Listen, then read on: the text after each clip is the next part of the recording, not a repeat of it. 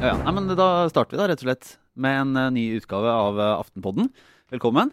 Takk. Eh, Trine Eilertsen, politisk redaktør. God dag, Hei. dag. Hei. Og kulturredaktør Sara Sørheim. Hallo.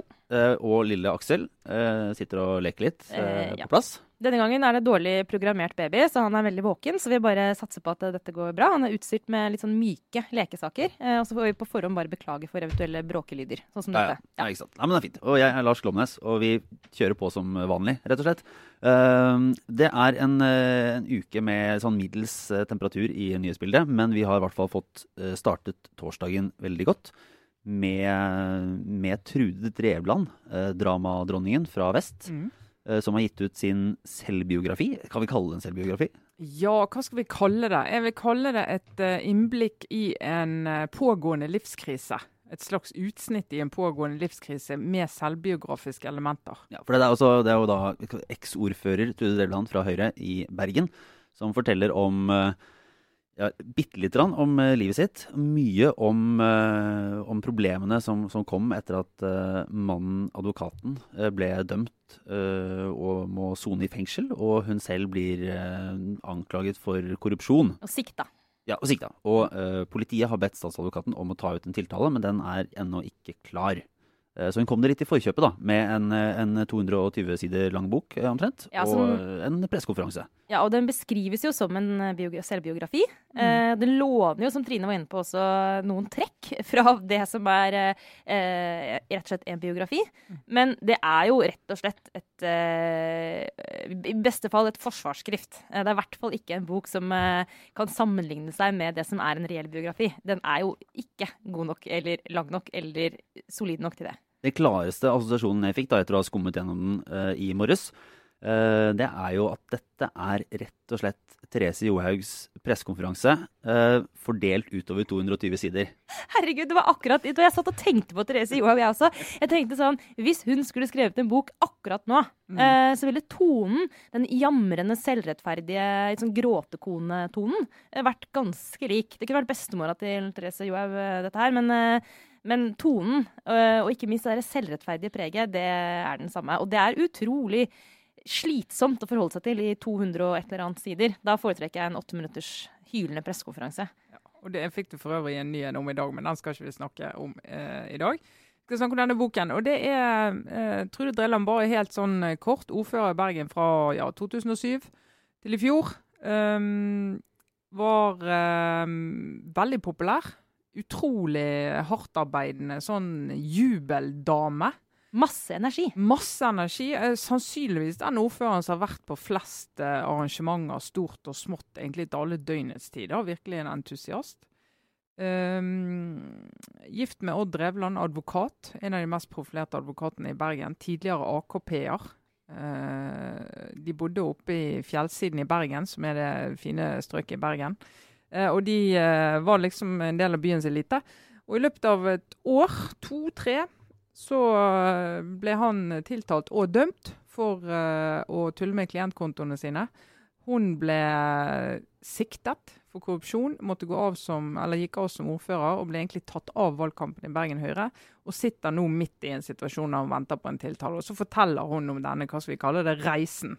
Og det har vært brutal opplevelse for henne. Men rammene du beskriver nå, er jo et drama som virkelig er en bok verdig. Altså, dette er jo et spektakulært fall. Uh, samtidig som det også er helt, helt oppriktig veldig synd på Trude Drevland. Altså, den krisa hun står i, skal vi ikke tulle med. Den er nok, eller den er helt garantert reell. Uh, og så kan man helt, altså, spørre seg ja, hvem sin feil er det. Og det er kanskje der den selvrettferdigheten i boka uh, kommer litt feil ut. Men, uh, men, men her ligger det jo ligger til rette for en interessant fortelling.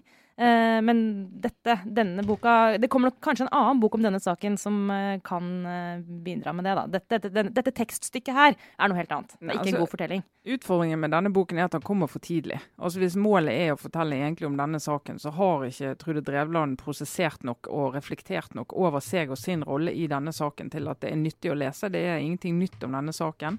Eh, og hun, hun ser, sånn som jeg tror mange gjør, som opplever å bli beskyldt for korrupsjon eller misbruke stillingen sin, med altså helt uforstående hvordan deres handlinger kan tolkes inn i en sånn ramme. For jeg gjorde det jo ikke for å gagne meg sjøl. Så skjedde det en del litt sånn teite ting på veien, men jeg ville vel. Jeg jobber hardt, det vet alle. Så kan ikke dere bare forstå at det sånn henger sammen. Og når da pressen begynner å stille kritiske spørsmål, betvile det hun sier, ettergå det, drive med undersøkende journalistikk, så er det heksejakt. Uh, og det som forklarer de feilene man har gjort, det er dårlig dømmekraft. Det er masse personlige forhold som er, er, riktig, det har skjedd, det har vært vanskelig. Men, men, hennes poeng er egentlig at det burde folk forstå lå bak. Altså Pressen må på en måte forstå at vi må ikke skrive om dette og jage på henne for hun har det så vanskelig. at Du må på en måte forstå at hun snubler litt i formalitetene. Så er det en ekstrem sånn forhåndsprosedering av denne saken. Da, for alt handler om å, å bygge opp en, nesten en sånn uh hva skal man si, en, en sånn moralsk delthet. Da, der de som er eh, med henne, er de gode, og de som er mot henne, er de onde. Og, og, hun bruker jo nesten hvert eneste kapittel er jo innom et punkt der hun forteller om uh, hvor vondt det var å gå ut i gatene, men, men hvordan støtten varmet. Og, og, det virker jo som det er alt er liksom peila inn på at hun skal ha en, en best mulig posisjon i bergenssamfunnet etter denne saken. da. Mm. Ja, hun kommer stadig vekk tilbake til alle som stopper henne. Hun ramser opp hver eneste person tror jeg, som har stoppet henne på gata og kommet med støttende tilrop eller en klem den siste, den siste vanskelige perioden.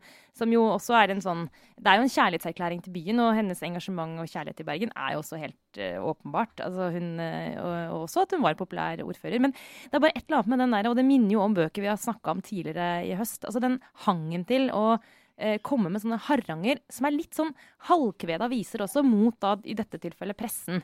Uh, men hun også kommer med andre sånne Hun hinter til at dette ville ikke skjedd hvis ikke er for at hun er kvinne, f.eks. Mm. Uh, men, men uten å begrunne det. altså Hun viser ikke til faktiske forhold hvor hun har blitt urettferdig behandla, eller, eller, saker som har bestått av faktiske feil. Det er bare den der litt sånn klagete, beskyldende tonen. Og det mener jeg Der burde hun fått hjelp av forlaget. Det er en helt sånn eh, pussighet at man vier så mange sider at et seriøst forlag som Aschehoug i dette tilfellet syns at det er greit. Eh, ja, kom igjen, bare lag en bok du, hvor du bare får slenge om deg med selvrettferdige, ubegrunna påstander, og så skal vi hylle deg på en pressekonferanse og, og, og liksom løfte deg frem som en annen Maria Magdalena. Bare, det, er en, eh, det er en rolle for forlagene som jeg syns kanskje ikke er helt Det er ikke helt lett å forsvare at uh, de skal ha den posisjonen de har, når de virker å være såpass kritikkløse. Vi har jo tidligere i høst f.eks. snakka om boka til Robert Eriksson. Mange paralleller i disse to utgivelsene. Ja, jeg vil si at det kanskje er en skala. Da, der dette, dette går faktisk enda nærmere den forsvarstalen Uh, altså den ultimate forsvarstalen enn det Robert Erikssons bok gjør. Uh, så der har du liksom Drevland, Eriksson, og så har du relativt langt ut på andre enden av den skalaen Jens Stoltenberg, da, som, som mye mer er en historietime eller en analyse av hvordan ting har fungert.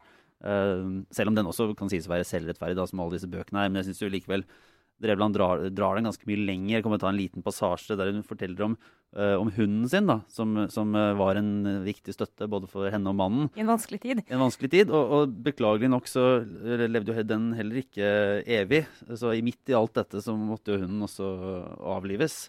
Men uh, den hadde da utviklet seg til å bli en, en Calvin Klein, da, eller Kalle, hadde utviklet seg til å bli en støtte også på kontoret. Eh, der hun skriver hver klient følte ro når Kalle dukket opp. Nervøsiteten forsvant fordi hun utviklet de samme sosiale evner som resten av familien. Uh, og Det tegner jo et, en, et selvbilde og en, analyse der som, er, som tyder på at kanskje at ting har kommet litt nært. da. Ja. Som Trine var inne på, så er det jo alt dette her er for nært til at man får en Det er ikke akkurat en kjølig analyse vi blir utsatt for. Samtidig så, Og det tror jeg vi kan ta litt selvkritikk på i, i vår bransje. Fordi Samtidig så får du et, et, rått innblikk i et menneske i en uh, stor krise. Og det er klart at det, det, det, hun har fått av oppmerksomhet i mediene, har jo vært eh, medvirkende til det. Det er politiets arbeid hun er kanskje aller mest aggressiv mot. Hun mener at etterforskningen tar for lang tid. At eh, pressen har fått opplysninger før både henne og hennes advokat. Mange påstander der. Heller ikke for så vidt noe samtidig imøtegåelse, som vanlig i sånne utgivelser. Men, men det er klart, pressen får mye kjeft. Men det jeg ser, er jo at vi kanskje kan nok undervurdere litt at vi har jo tilgang til mikrofonene våre når vi vil. Vi kan jo gå inn i dette lille studioet her og, og, bable i vei. Men det er klart at det å kunne gi ut en sånn bok er en alternativ mulighet for mennesker som uh, føler seg utsatt for en heksejakt.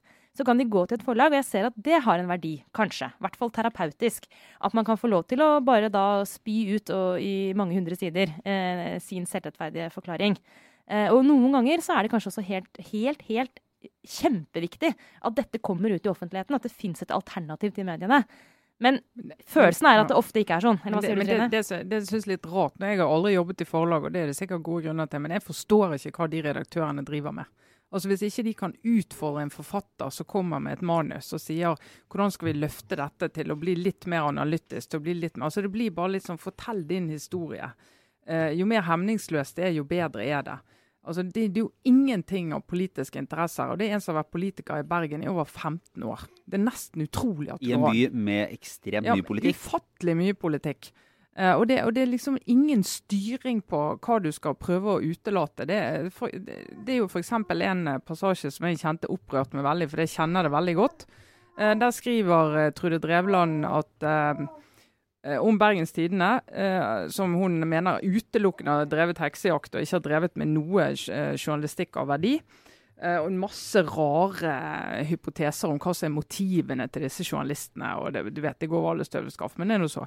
Men så skriver hun at tidligere og dessverre altfor tidlig avdøde politisk redaktør Sjur Holsen, hvis han fremdeles hadde vært i BT, så hadde det etiske nivået vært et helt annet. For hun mener å vite at han likte hun veldig godt. Og da kan jeg si, kjære Trude Drevland, Sjur Holsen var en av mine nærmeste venner. Han jobbet svært tett på daværende sjefredaktør Gard Steiro, som var sjefredaktør da denne saken ble laget. Jeg kan love deg at sakene ikke hadde vært annerledes hvis Sjur var der. Hvis det var noe Sjur kunne noe om, så var det presseetikk, og det var ikke sånn pusebehandling av maktmennesker som du ønsker deg. Og jeg syns det er rett og slett en fornærmelse mot Sjur å trekke han inn i den boken på den måten. Ja, du blir forbanna, du. Ja, jeg blir forbanna. Jeg syns det er så rått. Han er død, han kan ikke svare, og hun trekker han inn på den måten. Og det kjenner jeg. Nå har jeg nettopp lest boken, og jeg er opprørt.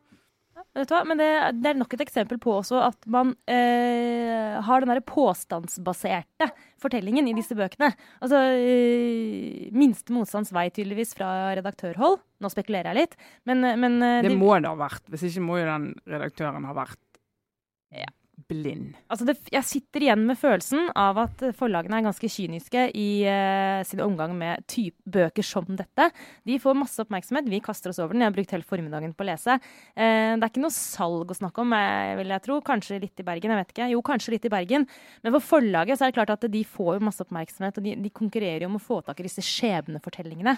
Men uh, Her var det vel også litt viktig å få det ut før, eh, før dette gikk videre juridisk. Ja, det kan du tro. si. Men, eh, men vi kan jo egentlig gå videre fra det som er på en måte den, eh, den eh, ikke så politisk substansielle og litt uh, løsere delen av dette, til en, uh, til en klassisk hard politisk maktkamp, som også har utspilt seg nå denne uken og forrige. Fordi som vi har omtalt tidligere, så har jo Sylvi Listhaug da bestemt seg for at hun vil inn på Stortinget. Eh, og hun ble jo da Det ble jo overraskende da det kom fram at hun var plassert på annenplass på, på forslaget til stortingsliste fra Møre og Romsdal, bak den lokale eller regionale legenden Frank Sve. Eh, og i første omgang så var det jo klart at, uh, at det ville bli en slags uh, en klassisk nominasjonskamp, rett og slett. Mhm. Og Frank Sve sa at han hadde sagt fra seg den førsteplassen i fire stortingsperioder, og var nå klar til å ta den plassen han mente han fortjente, og, og ville representere fylket sitt i. Men så var det noen som snakka sammen. Det er så deilig. Det er den klassiske sånn Oi, noen har snakket sammen. Og det viser jo at de viktigste kampene de tas jo på bakrommet. Når det gjelder når makt skal fordeles, da er det noen jævlig vanskelige og vonde knehøydetaklinger på bakrommet som skal til for, for å liksom eh, få, få ting på plass, slik at det stemmer med det noen har tenkt. For eh, Frank Svetan han nå har han trukket seg helt. Han har tok seg helt, og han har han satt seg ned, eh, eller ble satt ned, sammen med Sylvi Listhaug og eh, Dale. For et mareritt for øvrig. Det, åh, tenk å bli kalt inn på teppet. Unnskyld meg litt, litt kanskje kjipt sagt, men eh, det er mange tepper som det er eh, vanskelig å bli kalt inn på. Og det, akkurat det teppet der, det er bare, bare si at jeg er glad. Jeg håper jeg aldri blir kalt inn på teppet der og får den derre 'sett deg ned, nå skal du høre her'. Men det, det var jo et sånn, i, det var en sånn partisammenheng. da, Så fant de ut disse tre at uh, Jon Georg Dale og landbruksministeren Sylvi og, eh, og uh, Frank Sve at vi må snakke sammen om den nominasjonsfloken. Fordi at vi vil jo ikke ha en nominasjonsstrid i neste måned. og det, det kan vi si, dessverre. For det er jo få ting som er så gøy som en skikkelig grisete nominasjonsstrid inni et parti. Ja, for alle vet jo at de hardeste kampene, de er jo inne i partiene. Det er ja, ikke altså partiene imellom. Budsjettforhandlinger, valgkamp alt. Ingenting skal måle seg mot uh, bitterheten og personkampene, da. Men de satte seg ned, og, og da skal Sylvi Listhaug ha sagt at uh, jeg har bestemt meg for å satse på rikspolitikken. Jeg har jo vært i tvil og luftet sin tvil eh, gjennom sommeren. Nå har hun bestemt seg for det, og det betyr hun skal ha sikker plass på listen. Eh, så For hun så var ikke det noe alternativ. Og så har de hatt to inne fra Møre og Romsdal, men målingene viser at det er ikke garantert at de, de får det neste gang. Eh, så hvis hun skal ha en garantert plass, så må det være én. Og da er det skal, skal, hun, skal det ha vært sagt Ifølge Sunnmørsposten? Eh, ja, Sunnmørsposten de beskriver veldig godt uh, stemningen i dette møtet. Og I tillegg til det som står der, skal det ha vært sagt noe som minnet om at hvis jeg nå går ut av rikspolitikken, så vet alle hvem sin skyld var. Uh. Eh, og det er litt uklar kilde på det. Men det har vært en uh, Frank Sve sier, og han er veldig populær politiker i Møre og Romsdal. Svært populær. Så det er ikke gitt at hun ville vunnet en kampvotering mot han. Altså Noen tror jo at hun er så populær i Frp at de uansett ville ha henne på topp hvis hun tilbød seg å stille på en liste. Men han er svært populær i Møre og Romsdal, så det var ikke gitt i det hele tatt. Og da vil ikke de ha den uh, diskusjonen.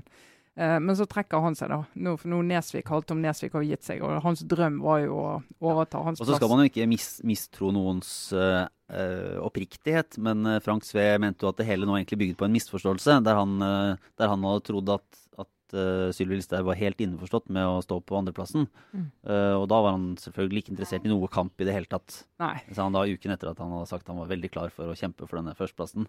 Ja, og det var ikke måte på, for det var hans tur, faktisk. Ja. Og han sier jo nå ja, kommer du tilbake og kjemper kjempe en annen gang? Nei, da er jeg for gammel. Så altså, hans stortingsdrøm er død, lagt i ruiner. Og den ble lagt død lørdag ettermiddag. På var... Sylvi Listhaugs kontor, eller var det hennes kontor? Ja, det var på, på Harald, Harald Tom Nesvik, parlamentarisk leder, som også har hatt førsteplassen da, fra mm. Møre og Romsdal. Som sa fra seg den, blant bl.a. som han sa, for å slippe til to politiske talenter som er mye større enn det han noensinne hadde vært selv. Altså Sylvi Listhaug og Jon Georg Dale. Ja. Det er lettere å gi fra seg plassen når du har hatt en lang karriere og vært parlamentarisk leder. Når du aldri har fått den. Eh, når du aldri har fått den. Det er brutalt, apropos eh, når vi ser på rammene for den Drevland-historien. Altså, det er drama på høy, høyt nivå. Det er virkelig sånn, helt sånn eksistensielt drama. Dette også er jo det er jo skikkelig drama. Altså, for Frank Sve så er det jo da sannsynligvis en, en hel, et, et, livsmål som brister. For Fremskrittspartiet så kan det jo faktisk være neste lederkampen som avgjøres. I hvert fall så er det vanskelig å se for seg at Sylvi Listhaug kan bli partileder uten å sitte på Stortinget i hvert fall en periode. Så, så sånn sett, altså når, når, historien skal skrives, så vil akkurat dette her møtet mellom de tre eh, få en, en, en nøkkel eh, være et nøkkelpunkt i Fremskrittspartiets Når, når veien nå åpner seg for, for Sylvi Listhaug til å hvis en skulle kunne spå til å ta over som nestleder etter Per Sandberg, og så stå klar for enten en kamp med Ketil Solvik-Olsen, eller bare få, få gå inn og bli kronet etter Siv Jensen, så kan det jo lønne seg for Frank Sve å ikke ha vært en sånn virkelig stor fartsdump, da. Det fins jo tross alt plasser både i en potensiell eh, regjering og andre kabaler der eh, det kan lønne seg å være på, være på lag med, med, en dame som, som ja. kan, er, er, knallhard. Og Sylvi Listhaug, ikke at det er noe måte, galt i det, men hun er jo hun er jo en politiker som eh, man uh, formoder uh, vet å, å, trekke avtrekkeren når noen må Hun får det som hun vil, tror jeg, store deler av tiden. Men hadde dette vært Frank Underwood, så hadde jo Sve fått nå en lovnad om et eller annet fett når han tar over. Og jeg er jo spent på hva Sylvi Listhaug Om hun har disse genene, noe jeg på en måte tror hun har. Og det, det er egentlig et kompliment. hun har evnen til å spille. Så lurer jeg på hva har hun lovet Frank Sve? Får vi noensinne vite det? det, det hvis noen sitter der ute og vet det, så kom igjen og hvisk oss det i øret. Kommunalminister eller fiskeriminister Frank Sve i uh, en fremtidig sånn, Sylvi Listhaug-regjering. Hvis han blir statsråd, da veit vi svaret på det spørsmålet. Nettopp. Uh, nei, men da, da, ser vi inn i krystallkulen og ser, uh, ser Sylvi Listhaug. Ser Listhaug i partiledelsen. Jeg tror ja. vi, vi, må si, vi må vel si at Aftenpåden blir veldig overrasket hvis ikke Sylvi Listhaug havner i partiledelsen i løpet av neste periode. Kort periode. Ja. Jeg vil, ja, ja, ja. Ja, hvis hun ikke gjør det, da mener jeg da må vi, ta, da må vi gå i oss sjøl. Jeg hørte du sa periode. Det er litt sånn ja. veldig liksom Den rause uttrykket. Periode. Når ja. Eh, skal vi si at det ja. Vi har jo tidligere snakka om ikke sant? De har, altså I Høyre, Høyre, og Arbeiderpartiet og Frp så har du noen tydelige kronprinser. Eh, hadde, vel å merke. Torbjørn Røe Isaksen har nå varsla at han tar en pause fra politikken. Han var en omtalt ofte som kronprins i Høyre.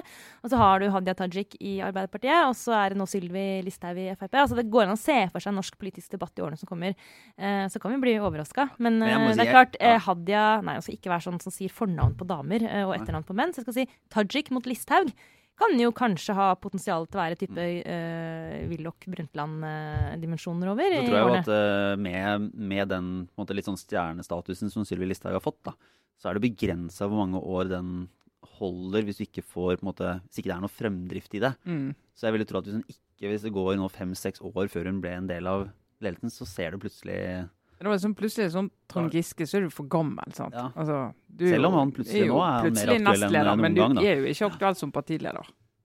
Nei, nei, det får vi nå se på. Men eh, vi, for at ikke det her skal uh, dra helt uh, Så cocky du var nå, Lars. Ja. Det får, vet du noe ikke vi vet, eller? Om, eh, Ja, det er helt overraskende insekter. Ja,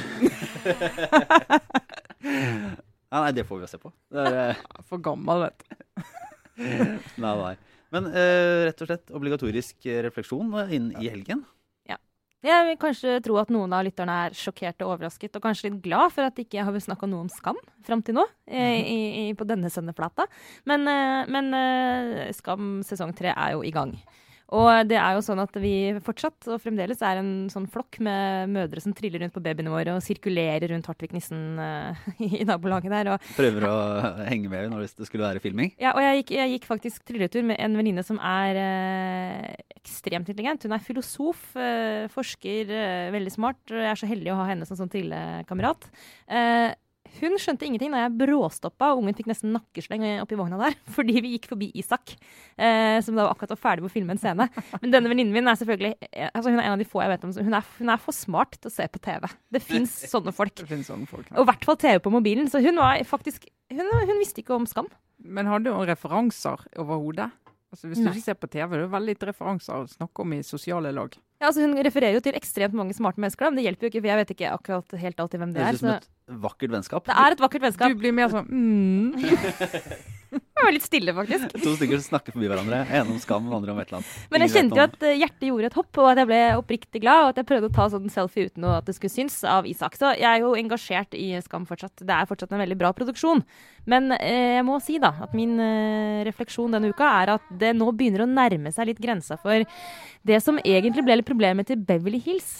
Husker dere den? Er vi, er vi akkurat like gamle, vi, Lars? Så du også på den Vi er ikke det, vet du. Du er eldre enn meg. Adras. Det er det. Jeg Er det? er for gammel. Hadde okay. ikke. Dias, Jeg, jeg, husker, jeg husker jeg vet hva det dreier seg om. Altså den serien, Beverly Hills, med Brandon og Brenda og den der vennegjengen der. Sånn 30-åringer som spilte 17-åringer. Ja. det, akkurat det var faktisk Der har Skam lært noe, da. Der har de lært noe. Men poenget var at det vi sa til foreldrene våre når de var sånn Dere ser veldig mye på, det, på den serien, den virker jo helt håpløs. eh, Æsj og amerikansk søppel. Så var det jo, men du skjønner, de tar opp så viktige spørsmål for ungdommer. Det er nesten alltid et sånn ordentlig tema som diskuteres. Sånn å nei, Brenda er gravid, du må ta abort. Så var det sånn en episode om abort. Og så var det en episode om kanskje om homofili, eller ja, det tror jeg faktisk ikke det hadde der. Men det var liksom sånn at de tok opp ungdomsspørsmål. Og nå, og Aksel, nå, et lite øyeblikk. Beklager. Nå føler jeg at Skam er i ferd med å nærme seg litt. Ja, men de er i ferd med å nærme seg litt det der med at eh, nå skal de liksom ta opp viktige spørsmål.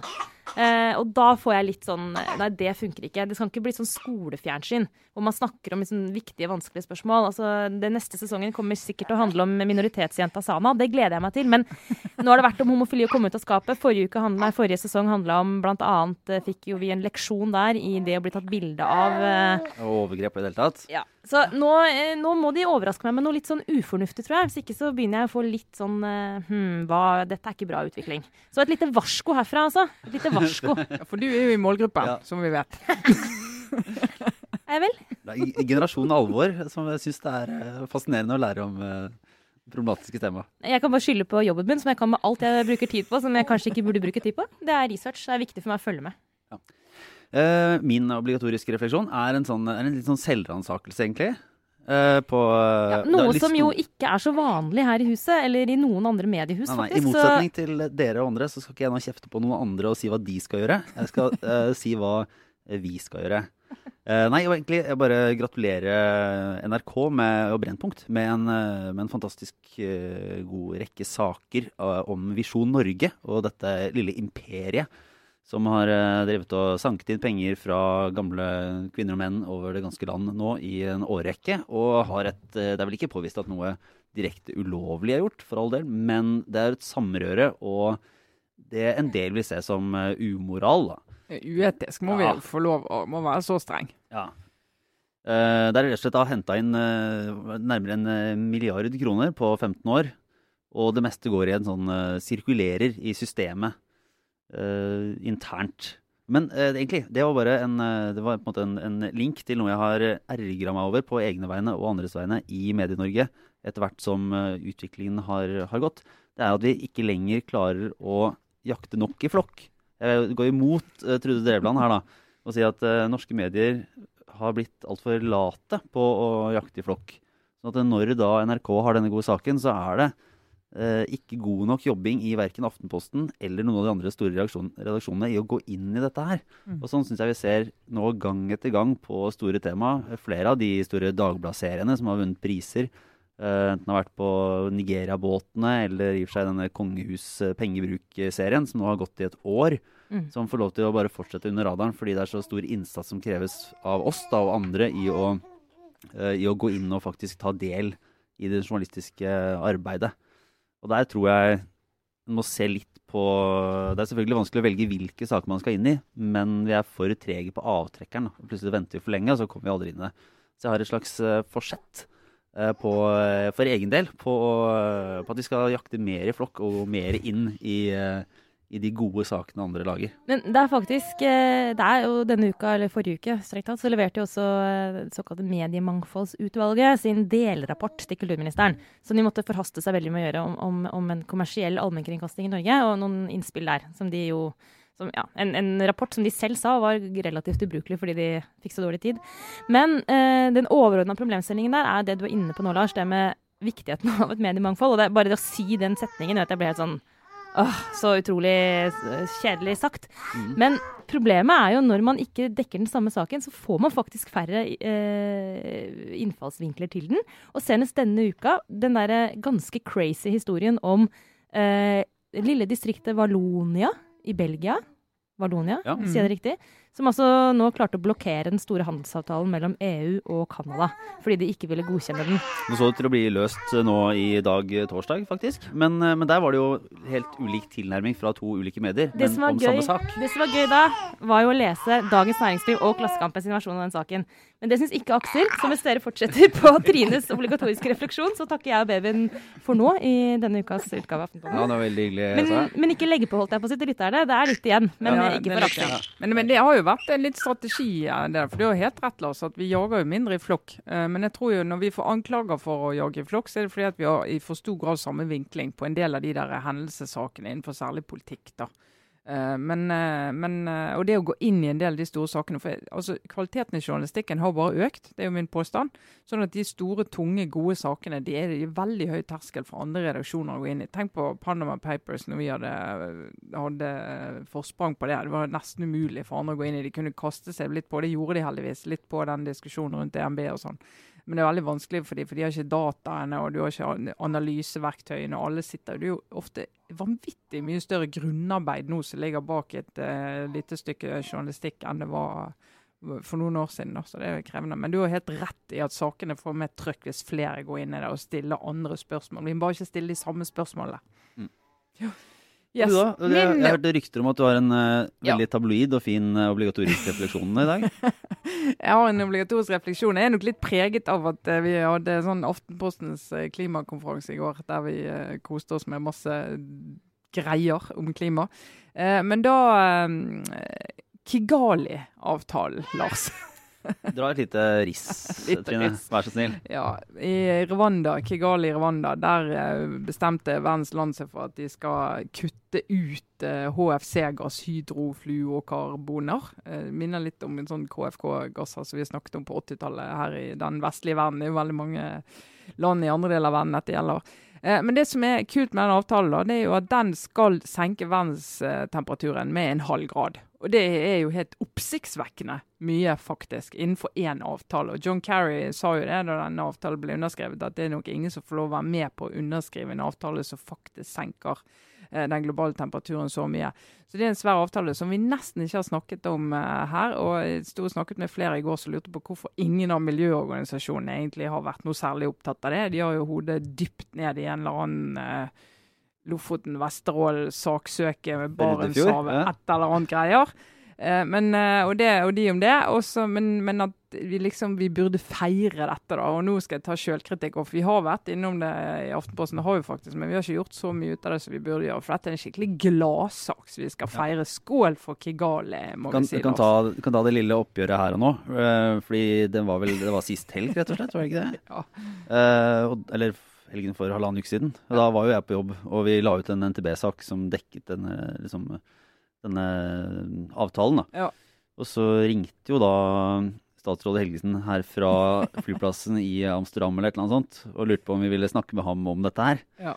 Og jeg takket tøffelig nei. Og det ville vi ikke, for det var ikke viktig nok. Så der ser du. Så litt uh, sjølpisking på den. Men apropos uh, Helgesen. Jeg har et uh, godt, kort og lite ubekreftet rykte på Helgesen. I kveld er det middag på Slottet. Uh, Slottet inviterer Stortinget, og da får, får jo regjeringen henges på slep med sine. Og det pleier jo alle å si at det Men Helgesen han har sagt nei. For hans kone kom slått i forkjøpet, kom kongen i forkjøpet og inviterte han eh, på ballett i operaen. Så han skal også på ballett i operaen eh, og dropper kongen. Konen trumfer kongen. Nei, er- men eh, da, da får vi se om det kan Om kongen blir lei seg, som han ble da, da Jens Stoltenberg tok over utdelingen av disse krigsmedaljene. Eller om det går bra. Det er vel, det er vel en sjanse for at det Han har vel vurdert er sånn greit. at kongen holder det ut. Ja. Ja. Men eh, med det så får vi vel takke for denne uken, rett og slett. Eh, Sara Sørheim eh, stakk av her for noen minutter siden. Eh, takk til deg, Trine Eilertsen. Jeg er Lars Glomnes. Og så er vi tilbake neste uke som eh, sprekere enn noen gang, vil jeg tro. Nå nærmer det seg jo budsjettforhandlinger, sier vi hver uke. Ja, Får vi se om det blir litt, det blir litt trøkk. Eh, ellers så får vi anbefale alle å følge oss på Facebook, der vi legger ut ting og tang vi anbefaler. Eller bare lar oss underholde av. Eh, og så kan du jo gi oss en eh, rating i iTunes, for da spretter de opp på listen og ser veldig bra ut. Og, i det hele tatt. Og så blir vi så glad. og så blir vi så glad. Ikke minst. Ja. Det, er, eh, det er verdt noe, det òg. Ja. men takk for oss for denne gang. Ha det bra. God helg.